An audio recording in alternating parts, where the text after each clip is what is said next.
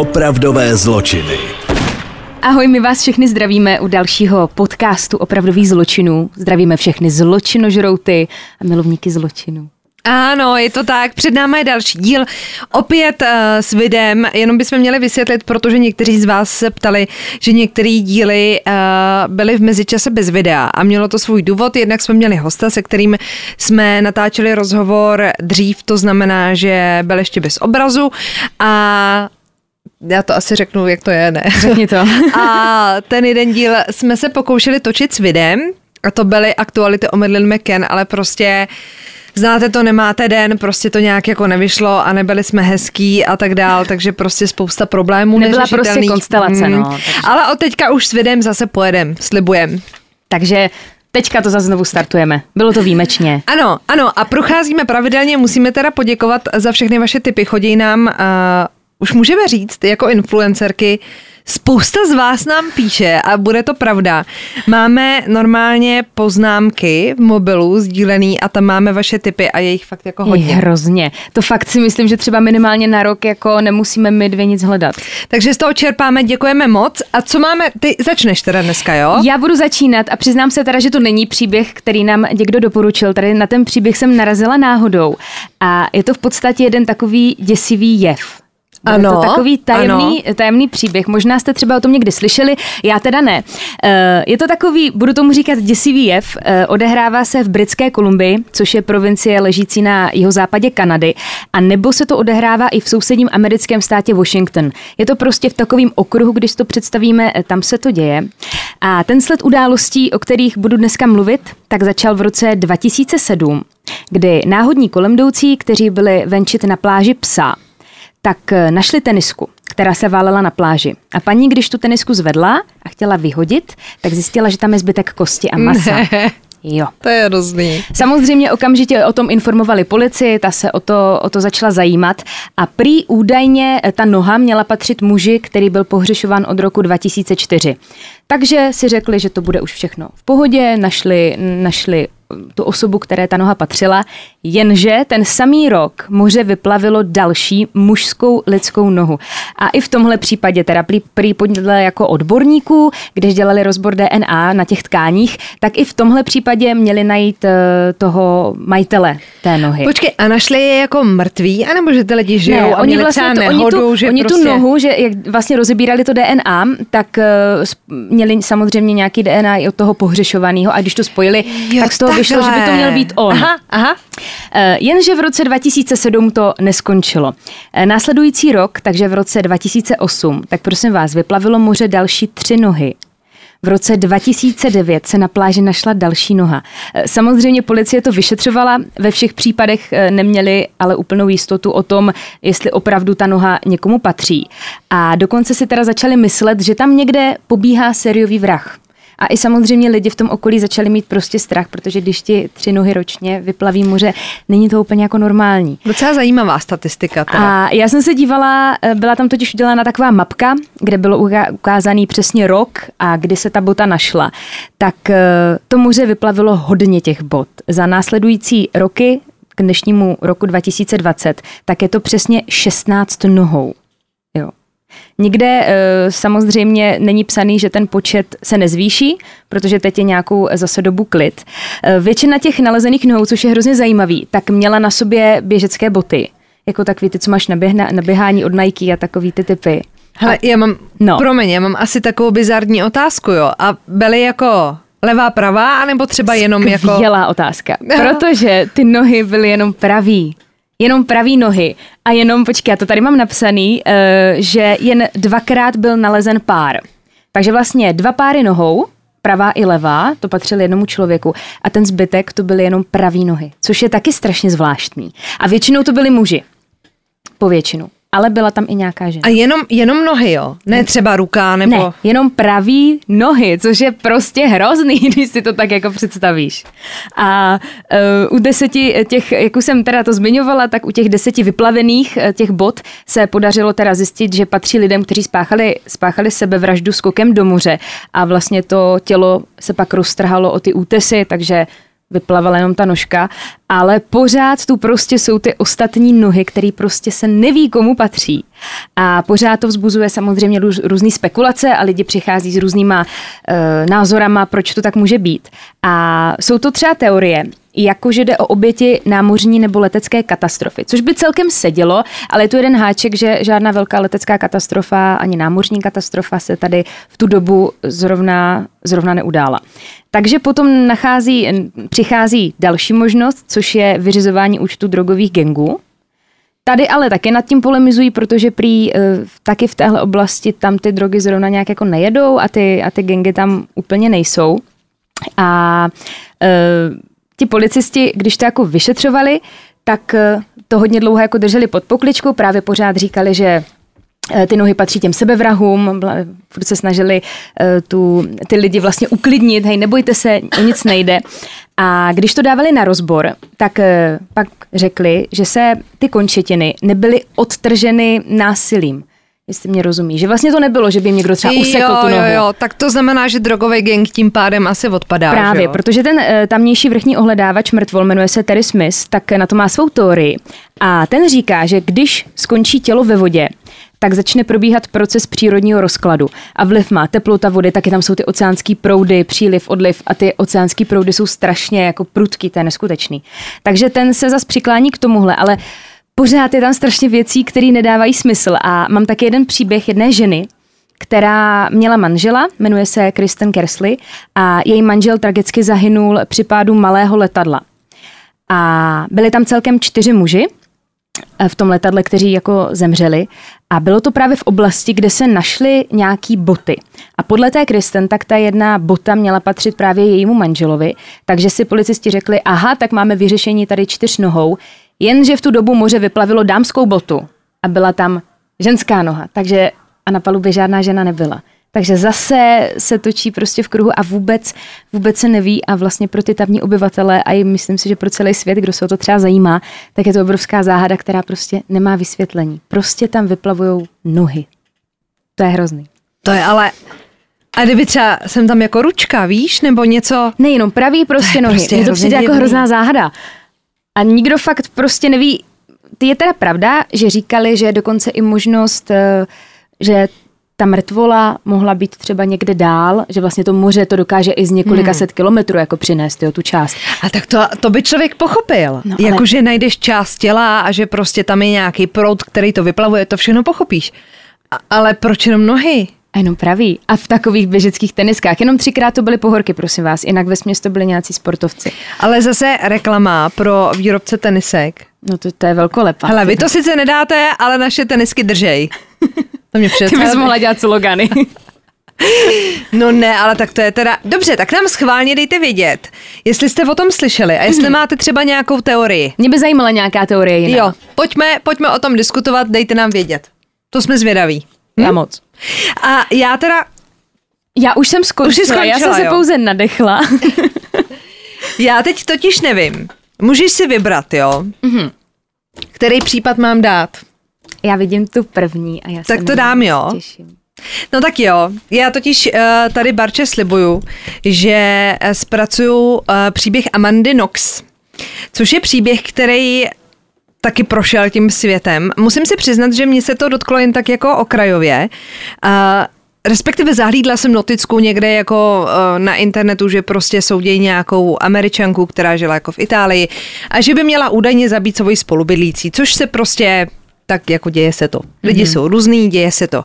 A já jsem teda se k tomu našla nějaký informace a dokonce jsem si stáhla Mm, potom i nějaký jako rozhovory do počítače a tak dále, jako nějaký různý jako videa, abych měla z čeho čerpat. Na internetu dokonce si můžete pustit i, i film. Ten teda se musím přiznat, že uh, je špatný. Yeah. Jako takhle, uh, slovy Mirky Spáčilový, je to jako brak a dala bych tomu třeba 30%. Ale Až je to, tak, jako tím, mm, je to těma hereckýma výkonama, jako nejsou to úplně babovřesky, ale není to taky úplně vysoká kinematografie. Ale co stojí za to, co stojí za to, je určitě dokument Amanda Knox a ten natočil Netflix, ale na tom Netflixu já ho nenašla. Uh, já jsem teda, já hodně prolízám dokumenty no. na Netflixu a o Amandě jsem tam určitě Já jsem ho tam nenašla, uh, dostala jsem se k němu jinak, pojďme neřešit jak, ale pustila jsem si ho je teda v italštině s titulkama a jsou v nabídce pak i slovenský titulky, český titulky, všechny možné titulky, ale to prostě je v italštině. Uh, tak možná proto nám to ten Netflix nenabízí, protože možná, když bych si ten Netflix přepnula třeba do italštiny, tak tam bude. Protože hmm. ti nabízí logicky angličtinu nebo češtinu nebo tak, a ten dokument už za zmínku rozhodně stojí, takže pokud vás to zajímá, a, tak se tam jako dozvíte spoustu věcí. A já tady mám hroznou kabeláž tady od toho mikrofonu, tak na to zvládnu nějak jako přečíst, mám tady nějaké jako poznámky, jo. Důležitý říct, Amanda Knox stále žije, mám pro vás nějaké aktuální informace k jejímu životu. Narodila se 9. července 1987, podle Wikipedie je americkou občanskoprávní aktivistkou a spisovatelkou a dostala se teda do celosvětového povědomí poté, co se stala podezřelou v případu vraždy spolubydlící Meredith Kercherové, ke které došlo 1. listopadu 2007 v italském městě Perugia v roce, a tam je právě zajímavý i to, jak ty soudy probíhaly, jo. No. V roce 2009 byla Noxová za vraždu odsouzena, v roce 2011 osvobozena, o tři roky později opět odsouzena a teprve v roce 2015 byla nejvyšším odvolacím soudem definitivně zproštěna obvinění. To jsou věci, které spousta z vás asi ví, ale my se podíváme teda na nějaký jako uh, konkrétní informace a podrobnosti. Amanda Marie Knox se teda narodila 9. července 87 v Seattleu ve Spojených státech amerických. Po absolvování střední školy se přihlásila na Washingtonskou univerzitu, kde se věnovala studiu lingvistiky. Byla poměrně úspěšnou a populární studentkou, školu si platila sama prostřednictvím různých brigád. V roce 2007 se rozhodla absolvovat jednoleté studium italštiny na univerzitě v Perugii. Tam se nastěhovala do patrového domu ve, eh, na ulici Via della Pergola, já teda italsky moc nevím, takže se omlouvám, číslo 7. V tom dokumentu je ten baráček vidět a je to hrozně jako bizarní stavba, kdy máte to.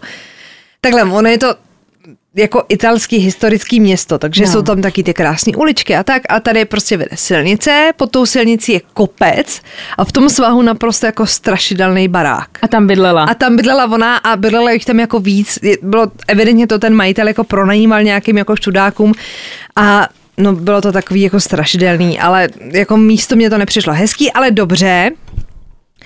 Sdílela tam byt teda s dvojicí Italek a studentkou univerzity v Lícu Meredith Kercher. Noxová jejich vztah popsala jako přátelsky, ale vyloučila, že by byly nerozlučnými kamarádkami. Každá se taky stýkala s jiným okruhem lidí. Zatímco Kercherová byla popisována jako tichá, uzavřená a nekonfliktní dívka, Noxová měla být nespoutaná, divoká a lehkovážná. V Perugii si přivydělávala jako servírka v restauraci Lečik, kterou vedl Patrik Lumumba, o něm pak tak ještě uslyšíme, který je původem z Konga.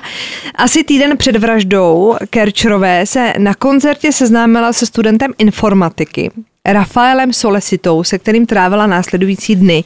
A o něm se hodně mluví v tom dokumentu taky, byla to evidentně velká láska, ale nezapomeňme, že v době té vraždy spolu byly jakoby týden, takže jako vášeň obrovská, mm-hmm. jo. 2. listopadu 2007 v 9 hodin ráno eh, dostala policejní hlídka eh, zprávu o tom, že se našly dva mobilní telefony, které údajně patřily teda Meredith Kercher, takže policie eh, je jela vrátit mm-hmm. ty majitelce. Jo? Před tím domem narazili na Rafaela Solesitu a jeho přítelkyni Amandu Knox. Ve zhruba stejnou dobu se na místo dostavila taky druhá spolubydlící se svým přítelem, které Knoxová zavolala. Policistům sdělili, že mají podezření na vloupání. Um, Vchodové dveře měly být otevřené, okno v patře rozbité kamenem a v koupelně se našly stopy krve.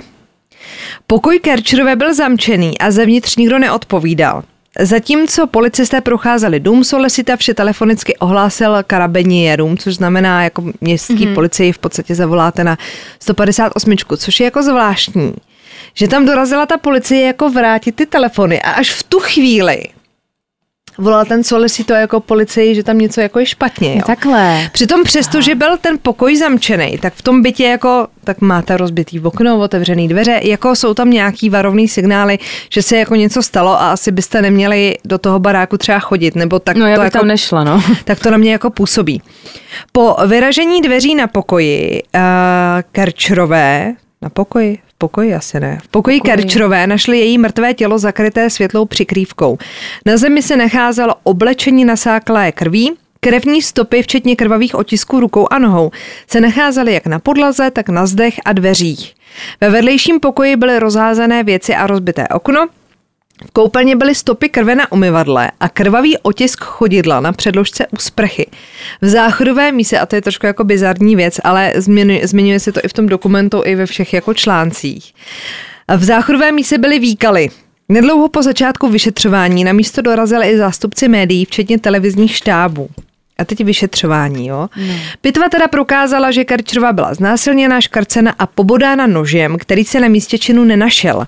Hluboká rána na krku potom způsobila její vykrvácení. Na pohlavních orgánech oběti byly nalezeny stopy mužské DNA. Další stopy mužské DNA byly objeveny v pokoji na polštáři a na ručníku. V koupelně byla nalezena ženská DNA v krevních stopách na umyvadle, na vypínači a na předložce u sprchy. Oznamovatel Solesito, to znamená přítel Amandy Knox, byl 5. listopadu pozván k výslechu, kam ho Knoxová doprovodila a při té příležitosti byla vyslechnuta také. Protože byli v této fázi vyšetřování považováni za svědky, nebyl jim přiznán nárok na obhájce. Toho smějí využít pouze lidé obvinění. Itálii mm-hmm. teda.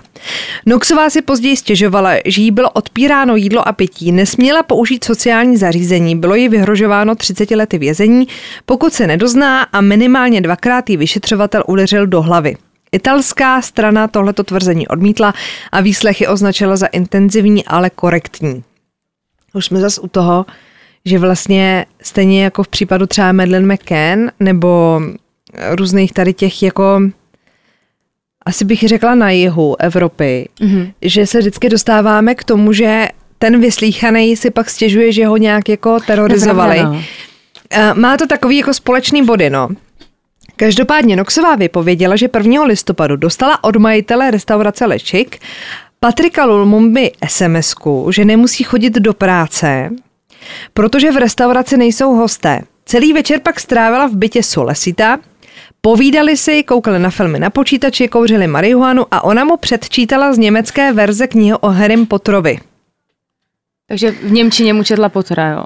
Jo. Hezký večer. Pak prý měli sex a šli spát. Je teda fakt, že uh, to se zmiňuje v tom dokumentu. Tady na internetu jsem našla i nějaké jako informace, že během večera praskl v kuchyni odtok ze dřezu a velké množství vody vyteklo na podlahu a protože Solesi to neměl v bytě nic, čím by si dala voda vytřít, dohodli se, že u něj Noxová přespí a druhý den přiveze mop. A teď mi jako není jestli tam byly jako v té vodě, nebo... Já teda hlavně mě přijde hodně zvláštní jako tvrzení, že nemáš doba nic, čím bys jako vytřela. Ráno proto odjela do svého bytu, všimla se otevřených vstupních dveří a pojala podezření, že se do domu mohl někdo vloupat. Zkontrolovala svůj pokoj, který byl v pořádku. Odešla do koupelny, aby se osprchovala, a na tom umyvadle si pak všimla kapek krve, který ale nepřišli nějak zvláštní, tak je fakt, že když tam bydlíš s x lidma, tak mohl se někdo pořezat, nebo víš, jako, tak když do koupelny si to jako, samozřejmě já bych byla naštvaná, že to třeba neumyl. Já bych byla vyděšená teda. Ale, ale prostě tak může se to stát, bydlí vás tam jako x, tak to spolubydlící není jako někdy úplně mm, to je pravda, no. ideální, to spolubydlení. No a pak si při vystoupení ze sprchy všimla velké krevní skvrny na předložce a v záchodové míse pak objevila výkaly. Už jsme zase u nich. Okno v pokoji další spolubydlící bylo rozbité. Noxová věděla, že v domě má být pouze Kerčrová a tak se vydala do jejího pokoje a zjistila, že teda je zamčený a nezvedala jí ani telefon. Takže zatelefonovala ostatním spolubydlícím, řekla jim, co se stalo a potom se vrátila pro Solesita, který se pak pokusil údajně ty dveře vyrazit, ale nepovedlo se mu to. A pak právě přišla teda ta policie, která jela vrátit ty telefony. Uh, Už je to do sebe tak jako zapadlo. Mm. Aha. Sole si to tuto verzi původně potvrdil, později ale řekl vyšetřovateli, že si není jistý, zda s ním Noxova večer v den vraždy byla. Že si není jistý, jo? A to se stalo ve chvíli, kdy ona ho jela doprovodit na ten výslech, jako jeho přítelkyně a on jí takhle jako nakydal na tu hlavu v podstatě. Ty bláho. Později, co podle jeho slov měla přemlouvat, aby jí poskytl alibi, Noxová byla konfrontována s výsledky analýzy svého mobilního telefonu. sms u toho šéfa, od toho Lumumby, už ji už neměla, byla smazaná, ale našla se odpověď na tuhletu zprávu, ve kterému psala dobře, uvidíme se později, večer se bav, Z toho vyšetřovatele usoudili, že Noxová měla s Lumumbem 1. listopadu večer schůzku. Hmm. Což jako tak jako měla jít do práce, tak je to takový jako, dobře. Noxová následně učinila výpověď, ve které uvedla, že si vybavuje setkání s Lumumbou na basketbalovém hřišti, kde se dohodli, že půjdou k ní domů. Lumumba měl mít velký zájem o Kerčerovou a chtěl se s ní setkat. Ve své výpovědi Noxová dál uvedla, že si vzpomíná jen na to, že měla Lumumba s Kerčerovou pohlavní styk, zatímco ona čekala v kuchyni. Potom se ozvaly výkřiky, vzpomínky měla velice zamlžené, ale připustila, že Lumumba mohl ten večer Kerčerovou zabít. Sama se probudila druhý den ráno v bytě Solesita. Jeho účast na vraždě nemohla potvrdit ani vyvrátit, protože její vzpomínky byly zmatené. Na zá... Přijde, že tam jsou všichni zmatení ne, tady opravdu, ti, jako, co jako, dávali ty výpovědi. Tak to, to snad pamatuješ, no. Na základě této výpovědi byly Noxová, Solesito a Lumumba zadrženi jako podezřelí. 6. listopadu napsala Noxová prohlášení, ve kterém svoji předchozí výpověď vyvrátila. Podle ní vedlo k jejímu doznání vyčerpání, zmatenost, šok a nátlak vyšetřovatelů. Tuto výpověď učinila po mnoha hodinovém výslechu téměř ve dvě hodiny ráno. To, co původně popisovala jako reálné vzpomínky, měly být jen snové obrazy v její hlavě, které se jí vracely. 20. listopadu byl Patrik Lumumba zproštěn obvinění na základě výpovědi návštěvnice restaurace, která ho 1. listopadu viděla obsluhovat.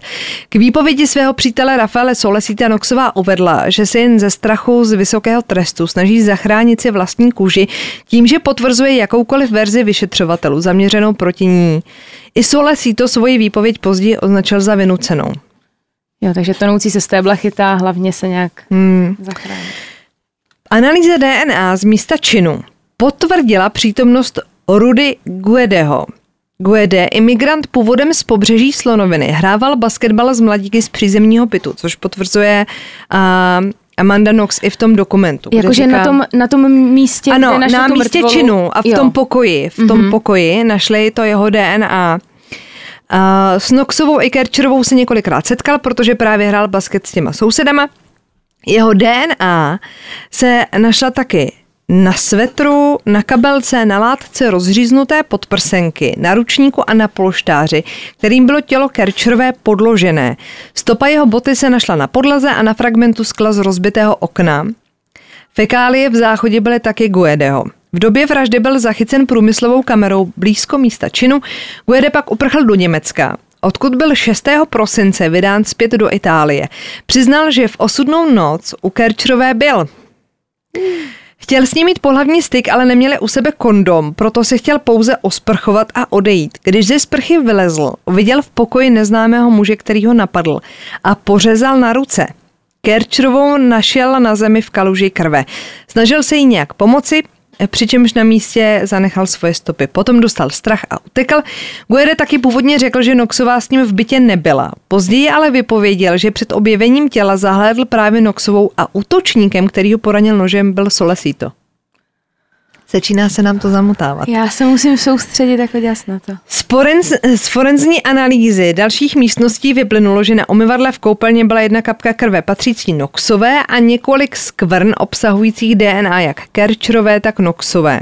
Skvrna na předložce u sprchy odpovídala otisku bosé nohy. Při kontrole místa činu luminolem se našly další bosé stopy stejné velikosti. To vedlo k úvaze, že se na místě činu pohybovala bosá osoba, která si ušpinila nohy obětí, eh, krví oběti. Státní zástupce tvrdil, že velikost stopy odpovídá Solesítovi. 640 dní po vraždě, pozor, byla pod koberečkem nalezena odřezaná spona od podprsenky. 640 dní Spona od podprsenky, jakože takový ten... No, ale 640 dní, chápeš, tak co tam jako Jež. prohledávali no. ten den té vraždy. Na ní se nacházela DNA Solesita a dvou neznámých mužů. Státní zástupce spochybnil teorii o vloupání. Podle něj byl kámen nalezený mezi střepy příliš velký na to, aby ho někdo vhodil do prvního patra. Tam je i v tom dokumentu video, kde to jako zkoušej a opravdu je to jako vysoko. Jo. Jakože a ten kámen je obrovský na to, abyste ho jako čapli a hodili ho do prvního patra a navíc ještě zjistili, že na tom kameni a, a na těch střepech je v oblečení, což je jakoby když byste tam jako hodili ten kámen, tak by byly pod těma střepama, že jo? Jo, jasně, že to tam nesedí. Že to, jako, že to, bylo to nikdo hodně nehodil, jako, ten Že to bylo jako nafingovaný. Kromě mobilů se zbytu taky nic nestratilo, což je samo o sobě taky divný, když chcete se hrát jako by loupežný přepadení a nic neukradnete. Takže prokurátor, eh, prokurátor Loupež označil za fingovanou. Jedním z hlavních důkazů proti Noxové se stalo její chování bezprostředně po vraždě. Už během ohledávání místa činu se venku objímala a líbala se Solesitou. Při čekání na výslech se usmívala a teď uh, v tom dokumentu vypovídá novinář, který psal o tom jako hlavní hvězda v podstatě říkal, že se tady na tom případu vytvořil jméno novinářský, mm-hmm. tak popisuje, že dělala různé gymnastické prvky. Moment, moment, a on tam moment. popisuje, že dělala jako nějaký přemety a salta, co se jako, jako, jako během... No, že vyšetřují jako vraždu tvojí spolubylící, ty čekáš před tím domem logicky, protože tě jako vyvedou ven a musíš jako počkat, vyklízí se místo činu. A tak to, že se líbá s frérem, tam bylo i nějaký video přímo z toho místa, tak si jako objímají, tak... Jasně, je to náročný, ne, je to náročný, nevíme, co jako v šoku, dělala, ale... ty salta a gymnastický prvky mě teda... Ježiš, to je neskutečné. Uh, tyhle ty informace o tom, o té brutální vraždě přilákaly spousty novinářů, takže dokonce i Pitivna byla prostě obklopená novináři, a předtím domem stanovali novináři. Uh, Dělá hrozný humbuk, že? No Když jasně, nějaký turista no jasně, zemře že jo. jako v jiném státě. Amanda Knox získala spoustu přezdívek, například Luciferina, ďábel s andělskou tváří, lstivá čarodenice, Amanda rozparovačka, vražetkyně s očima Bambiho a především pak Foxy Noxy, jakože prohnaná Noxy. Mm-hmm. Tahle ta přezdívka teda už potom v bulvárních médiích doslova, doslova zdomácnila. Nicméně, co se týká toho vyšetřování, tak zatímco v Itálii převládalo přesvědčení o vině Noxové a Solesita, ve Spojených státech tomu bylo přesně naopak. Italský soudy byly obvinovány ze zaujatosti a senátorka Hillary Clinton byla dokonce v souvislosti s kauzou informována o protiamerických postojích italské společnosti. Američané taky prostřednictvím médií spochybňovali znalosti a schopnosti italských vyšetřovatelů. Dokonce Donald Trump vyzýval Američany, aby nejezdili do Itálie, jako aby nepodporovali tu ekonomiku. A je tam právník, který zastupoval Rudyho Guedeho eh, v tom dokumentu a ten říká, a to je fakt jako brutální, že když v podstatě byla založena a fungovala první právnická fakulta v Itálii, tak ve Spojených státech ještě malovali po stěnách jeskyní. jako šle do sebe docela dost, mně přijde to, jako mně přijde hodně. Je to hodně přehnaný, no, tady tohle. Hodně přehnaný, já jsem tady hrozně namačkaná a úplně tady k tobě tak tulem z toho. Přitul. 28. října 2008 byli Solesito a Noxová oficiálně obviněni z vraždy Kerčrové. Rudy Guede byl souzen odděleně, protože souhlasil se zrychleným řízením. Důvodem byla obava jeho právníků z mediálního zájmu o Noxovou, který mohl negativně ovlivnit rozhodnutí poroty, pokud by byli souzeni společně. To tam potvrzuje v tom dokumentu ten právník jeho taky. Mm-hmm. Za vraždu byl odsouzen ke 30 letům odnětí svobody. Po odvolání mu byl 22. prosince 2009 trest snížen na 16 let. Státním zástupcem v případu se stal Giuliano Minini, ten se stal vrchním prokurátorem po skončení toho případu, ten tak jako mimochodem. Ten se dřív nechvalně proslavil v kauze takzvaného monstra z Florencie, nikdy nedopadeného seriového vraha, který pravděpodobně zavraždil až 16 lidí. Hmm. Soud s Noxovou a Solicitem začal 16. ledna 2009. Podle Mininyho stála za smrtí Kerčerové drogami poháněná sexuální hra, která se zvrhla ve chvíli, kdy její účastníci na rozkaz Noxové Dívku zavraždili, protože se jí odmítla zúčastnit. Noxovou vykreslil jako veskrze skaženou sexem posedlou narkomanku bez zábran, která zmanipulovala Solesita a Guedeho k vraždě spolubydlící. Jako přesvědčivý důkaz uvedl stopy Solesitovi DNA na sponě od podprsenky, DNA Noxové v krvi na umyvadle, její původní doznání a výpověď Solesita o její absenci v jeho bytě v době vraždy. Hlavním svědkem obžaloby se stal bezdomovec, který vypověděl, že Noxovou a Solesita viděl 1. listopadu v noci nedaleko místa činu. Přestože se ten bezdomovec přiznal, že každodenně užívá heroin a ve své výpovědi si často protiřečil, soudce označil za věrohodného. 29. prosince 2009 byla Amanda Noxová odsouzena za sexuální útok, vraždu a křivé obvinění k 26 letům vězení. Rafael Solesito za sexuální útok a vraždu k 25 letům odnětí svobody. v tom dokumentu to vyloženě jakoby prezentují tak, že si chtěli jako užít podstatě ve čtyřech, počítám to správně, jo, Aha. A že ty kluci, jak ten přítel Solesito její, tak i ten Guede byli jako posedlí tou Noxovou, takže ona jako zavelela luskla a oni ji zabili. To je Charles prostě, Manson v sukni. Teda. No, nedává to úplně jako smysl. Uh. Během pobytu ve vězení byla Noxová vyšetřena lékařem, který oznámil, že je HIV pozitivní. Do svého deníku si proto zapsala seznam mužů, se kterými měla sexuální kontakt a zjišťovala, který z nich ji mohl nakazit. Tenhle ten deník, a doteďka se neví jak, protože novináři nikdy neříkají svoje zdroje, unikl do médií. Ne. Takže si to představte, že zajímá. sedíte ve vězení, myslíte si, že jste HIV pozitivní a ještě všechny média propírají vaše bejvalí. No prostě hrozný. Eh, tím pádem teda vykreslili Noxovou jako promiskuitní a amorální ženu. Následně jí bylo lékaři oznámeno, že HIV nemá. To prostě Takže jenom to nepochopíte. V roce 2010 se Nokcová a to odvolali. Při následujícím soudním procesu byly vyšetřovatelům vytknuty chyby při sběru a vyhodnocení důkazů. Třeba, že toho DNA bylo málo na tom místě, mm-hmm. že to je takový to, že vám vyšlo jako mužský a mohlo by to být jeho, ale jeho hrozně málo na to, aby to bylo stoprocentní. A oni mm-hmm. to považovali jako důkaz. Jo. Pak um, ta obhajoba, ty zástupci uh, Noxové a Solesita poukazovali na to, že třeba kontaminovali místo činu, jo. Tam jsou záběry těch médií, jak, jak vcházejí ty lidi normálně bez těch ochranných obleků a bez těch uh, ochranných pomůcek do toho baráku tam a zpátky, tam furt prostě někdo proudil, takže Aha, to bylo prostě... Takže tam mohl kdokoliv No nemůžeš vůbec jako posuzovat jako místo činu, místo činu. A přítomnost DNA Noxové na umyvadle se třeba dala předpokládat, protože tak tam bydlí, že jo? tak tam není jako o čem, žila v tom bytě, tak, tak Mohla pro boha. tam nechat. DNA Solesita bylo nalezeno na látce podprsenky, ačkoliv by se jí musel při manipulaci se sponou taky dotknout. Nebo nebylo, takhle, ono bylo na té sponě, mm-hmm. ale ne na té podprdě.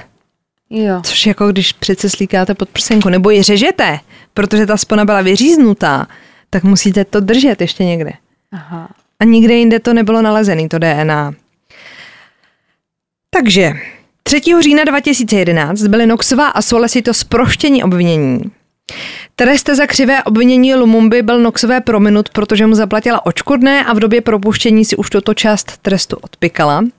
Po osvobozujícím verdiktu se Noxová vrátila do Světlu, kde se okamžitě stala mediální hvězdou. 26. března 2013 byl případ vraždy Meredith Kercherové opět otevřen nejvyšším soudem. Novým důkazem měla být stopa DNA na kuchyňském noži, který se našel v Solesitově bytě a který byl podle rozměru označen za vražednou zbraň. Na čepeli nože měla být nalezena nevýrazná stopa DNA Kercherové, na rukojeti pak výrazná stopa DNA Noxové, což když žijete v tom bytě nebo jste tam s tím klukem, tak jasně, že ho vezmete do ruky ten nůž třeba, no, že? ale je mazec, že vlastně 20. 2013 přišli mm. tady s tím důkazem a to bylo v jakém roce, kdy se to stalo 29, ta vražda. Víš, jako, že no pár... No tak jasně, že jo, jasně, to že jo. To je Jestli prostě... třeba řekneš, jo, tak už jsem v pohodě, dobrý, no. už se to, už se to patlat nebudou a přijde nůž. Nicméně, uh, Noxová se odmítla účastnit tohletoho soudu, protože byl hodně mediálně sledovaný, tak se tentokrát odehrál ve Florenci, aby tam vyšly všechny ty média. Obhájci Noxové a Solesita namítali, že byt byl plný stop Guedeho, ale stopy domělých dvou pachatelů úplně chyběly, což je pravda, že v tom pokoji nebyl třeba žádný jako jejich nějaký jako pozůstatek. Mm-hmm. Soudce tuto skutečnost označil za důsledek jejich systematického zahlazování. Ačkoliv se ani DNA Kerčerové na čepeli nože v dostatečném množství nenašla, 30. ledna 2014 byly Solesito a Noxová odsouzeni k nej, nejvyšším soudem k 25 respektive k 28,5 letům vězení. Noxové bylo do trestu opět připočítán i trest za křivé obvinění. Proti tomuto verdiktu se dvojice odvolala k nejvyššímu odvolacímu soudu, který je 27. března 2015 definitivně zbavil všech obvinění. Takže... Tak a teď já tady mám nějaký jako updaty, jo. Uh, Amanda Takže Knox, to chápu jako dobře, už tak jsou volní. už jsou zase volní mm-hmm. teda. Mm-hmm. Amanda Knox dostudovala v roce 2014 vysokou školu, je právničkou pro nespravedlivě odsouzené. Rafael to má počítačovou firmu v Itálii, spolupracuje s italskou televizí jako expert na zločiny. Giuliano Minini, jak už jsem říkala, tak ten byl povýšen na generálního prokurátora – Uh, Nick Pisa, který je hlavním novinářem, který si teda vytvořil jméno na tomhle případu, je stále novinářem a Guedemu byl stanoven termín propuštění a stále trvá na své nevině.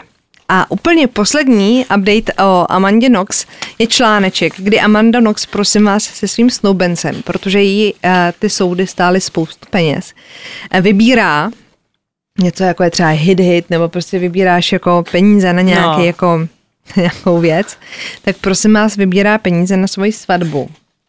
A nechce to zadarmo, chce těm, nebo takhle, vybírala, to byl článek z loňského roku, kdy vybírala teda peníze na svoji svatbu a za to mohli dostat ti přispěvatelé poezii, kterou napsala se svým snoubencem, kterým Aha. teda není Rafael Solicito, ale Christopher Robinson, ale pozor, protože byla mediálně známá, tak se tam začaly šťourat média. A ty zjistili, že už v době toho vybírání těch peněz byla rok vdaná. Děláš si srandu, taková podvodnice. Takováhle podvodnice. Ty brďo.